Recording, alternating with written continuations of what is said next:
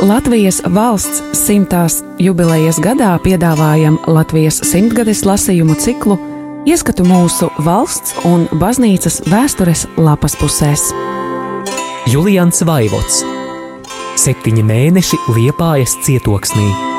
No 1944. gada 9. oktobra līdz 1945. gada 9. maijam.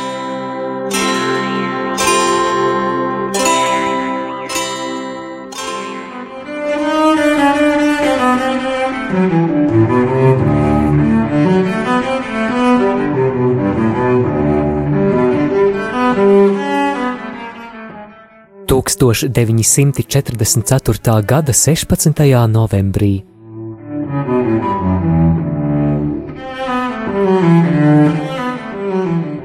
Pēdējā laikā Dievs liepainiekiem ir nācis palīgā. Visu laiku ir apmācies un miglains, tāpēc uzlidojumi nenotika. Izceļotāji uz Vāciju varēja mierīgu sirdi sēsties kuģī. Braucēju tomēr nav daudz Tāpēc 12. novembrī bez šaubām attiecīgu iestāžu pamudināts evakuācijas štāba priekšnieks Niedras kungs par radio uzrunāja latviešu bēgļus un skubināja izlietot labvēlīgos laika apstākļus, lai dotos uz Vāciju.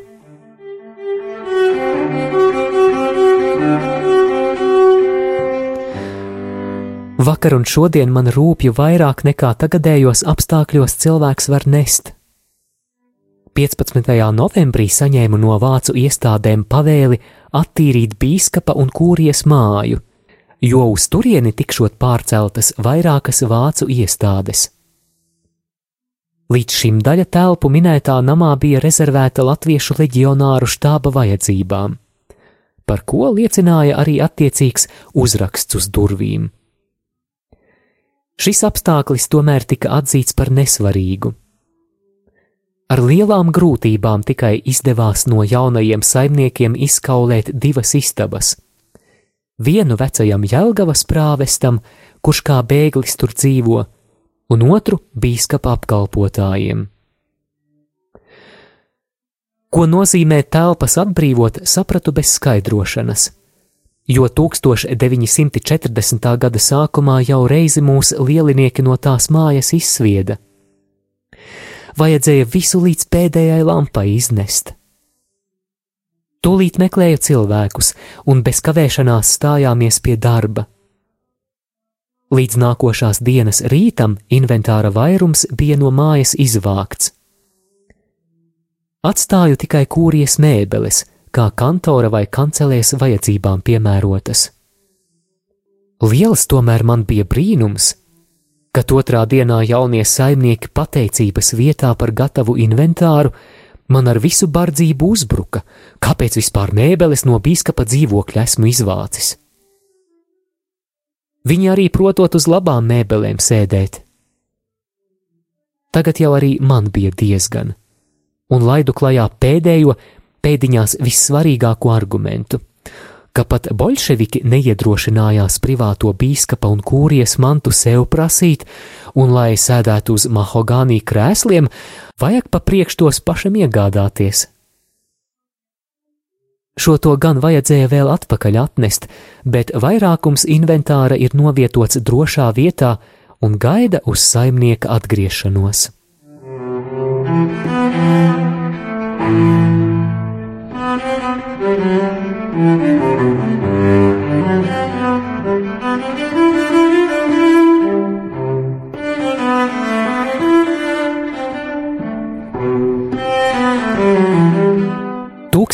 1944. gada 18. novembrī. 16. novembrī pulksten 12. departamenta direktors Niedras kungs bija saicinājis pie sevis pilsētas namā visu liepājas konfesiju pārstāvjus. Ieradās pareizticīgo prāvests Jankovičs, divi luterāņu mācītāji bēgļi, viens kā mācītāja liepas pārstāvis, divi baptistu mācītāji un es. Baidījāmies, ka lieta grozās ap evakuāciju. Tomēr mūs sagaidīja vēl lielāks pārsteigums. Direktors paziņoja, ka visiem apstākļiem par spīti esot nodomāts arī šogad svinēt 18. novembri, Latvijas dibināšanas svētkus. Vācu vadība nekādas sanāksmes gan nesot atļāvusi, izņemot uzrunu par radio 45 minūtes un dievkalpojumus baznīcās, tāpēc šiem pēdējiem šogad esot jābūt sevišķi svinīgiem. Lai arī strādājošie varētu viņos piedalīties, Tie visās baznīcās jānotur 18. novembrī, pulksten divos, uz kādu laiku iestādes savus darbiniekus tenī dienā atbrīvošot no darba. Svinību kuplināšanai tika piedāvāti vēl Liepājā esošie mākslinieki.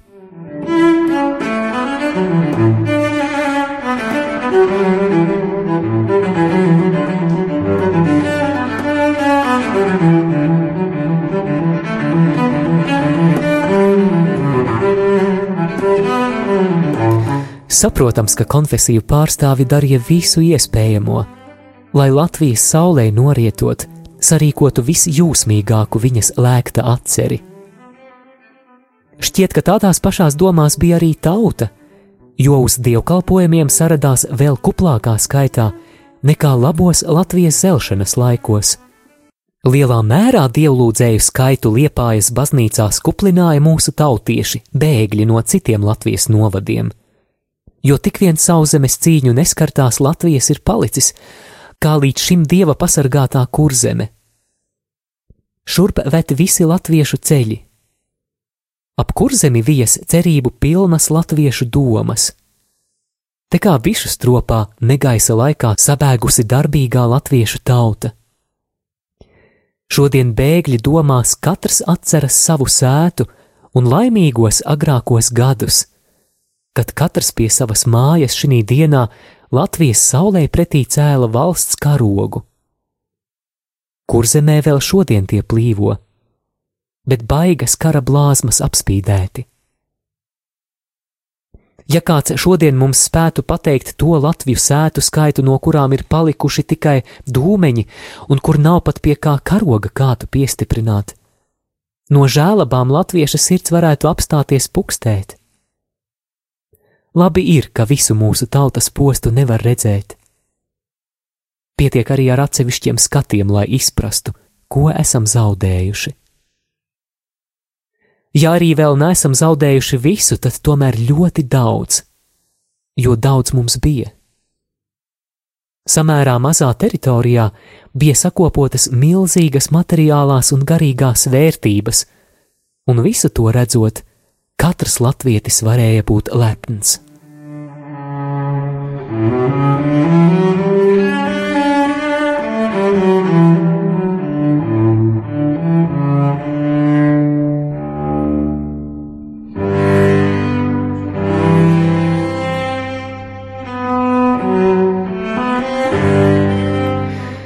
Mēs varējām būt lepni par savu mazo valsti un strādīgo, turīgo tautu.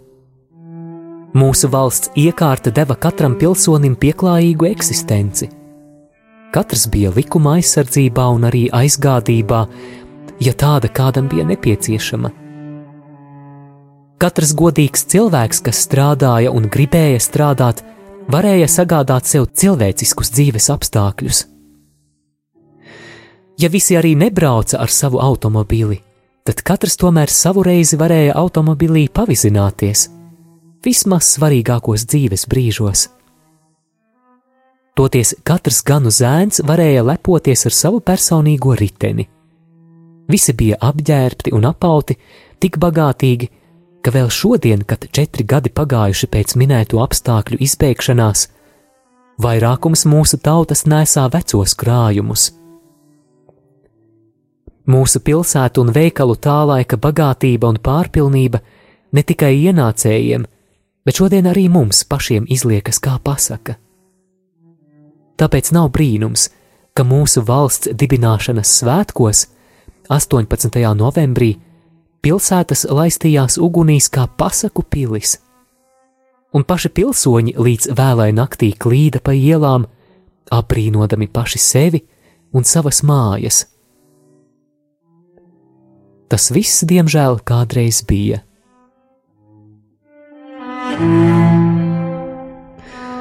Tāda jau cilvēka daba, ka visu sāk vērtēt un īsti mīlēt, kas viņam ir tikai tad, kad to jau ir zaudējis.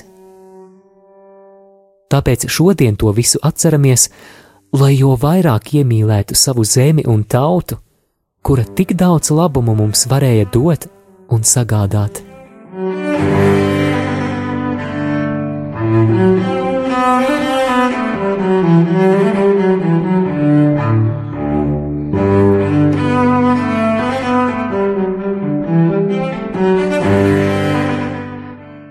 Šodien jūtamies kā bērni, kuru māte jau garāku laiku guļ uz slimības gultas un nav spējīga tos tā apgādāt, kā būdama vesela. Jāteic vēl vairāk. Mēs stāvam pie savas mirstošās mātes gultas, kura atvadās uz redzēšanos labākos laikos un apstākļos. Starpība tikai tā, ka miesīgā māte tādā gadījumā runā par redzēšanos viņā saulē bet mēs savu valsti un tautu vienotu vēl ceram reiz redzēt tepat virs zemes. Mēs, kurzemnieki, kaut ne visi, vēl esam tik laimīgi, ka stāvam uz savas mīļās zemes un elpojam dzimtenes gaisu. Mēs varam vēl, cik kara apstākļi atļauj, svinēt savus neatkarības svētkus. Šo dievzemītes stūri visvarenais ir pasargājis šajos briesmīgajos laikos, kā Latviju tautas šūpuli un patvērumu. Tāpēc šodien lūdzamies visi no Dieva vislielāko žēlastību, lai Viņš arī turpmāk pasargā šo Latvijas stūri no kara posta un ļauj te atspērties mūsu tautai un sakopot visus spēkus savas valsts atjaunošanai.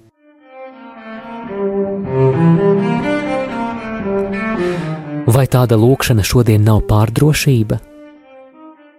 Šodien, kad mūsu tauta kā vajāts zvērs ir ierāvusies vienā mazā stūrītī, daļa tautas jau ir aizceļojusi pāri jūrai, bet daļa palikusi aiz frontes.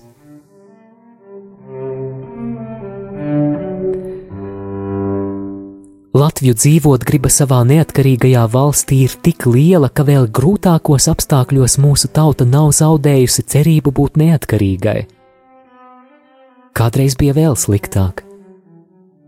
Mūsu valsts un patstāvības nesējiem nebija pat zemes zem kājām, un tomēr ticēja. Šodien mums ir arī draugi, kuri izdevīgākos apstākļos līdzēs celt no jauna mūsu sabiedrisko un politisko dzīvi tāpēc nezaudēsim ticību labākiem laikiem. Kas cilvēkiem nav pa spēkam, to Dievs var, ja tikai būsim viņa brīnumu cienīgi.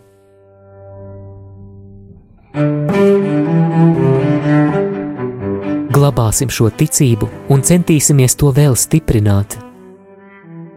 Dievs savus ļaudis nekad pavisam neatstāja, vai gan reizēm pārbauda un pat pārmāca.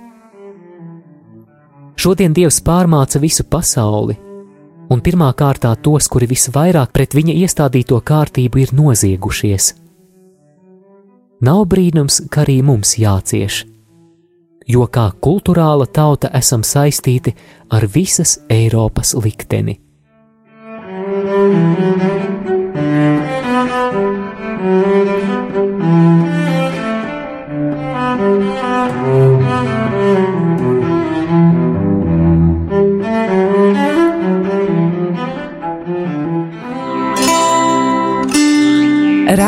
Marija Latvija ēterā Latvijas simtgadēji veltīti lasījumi.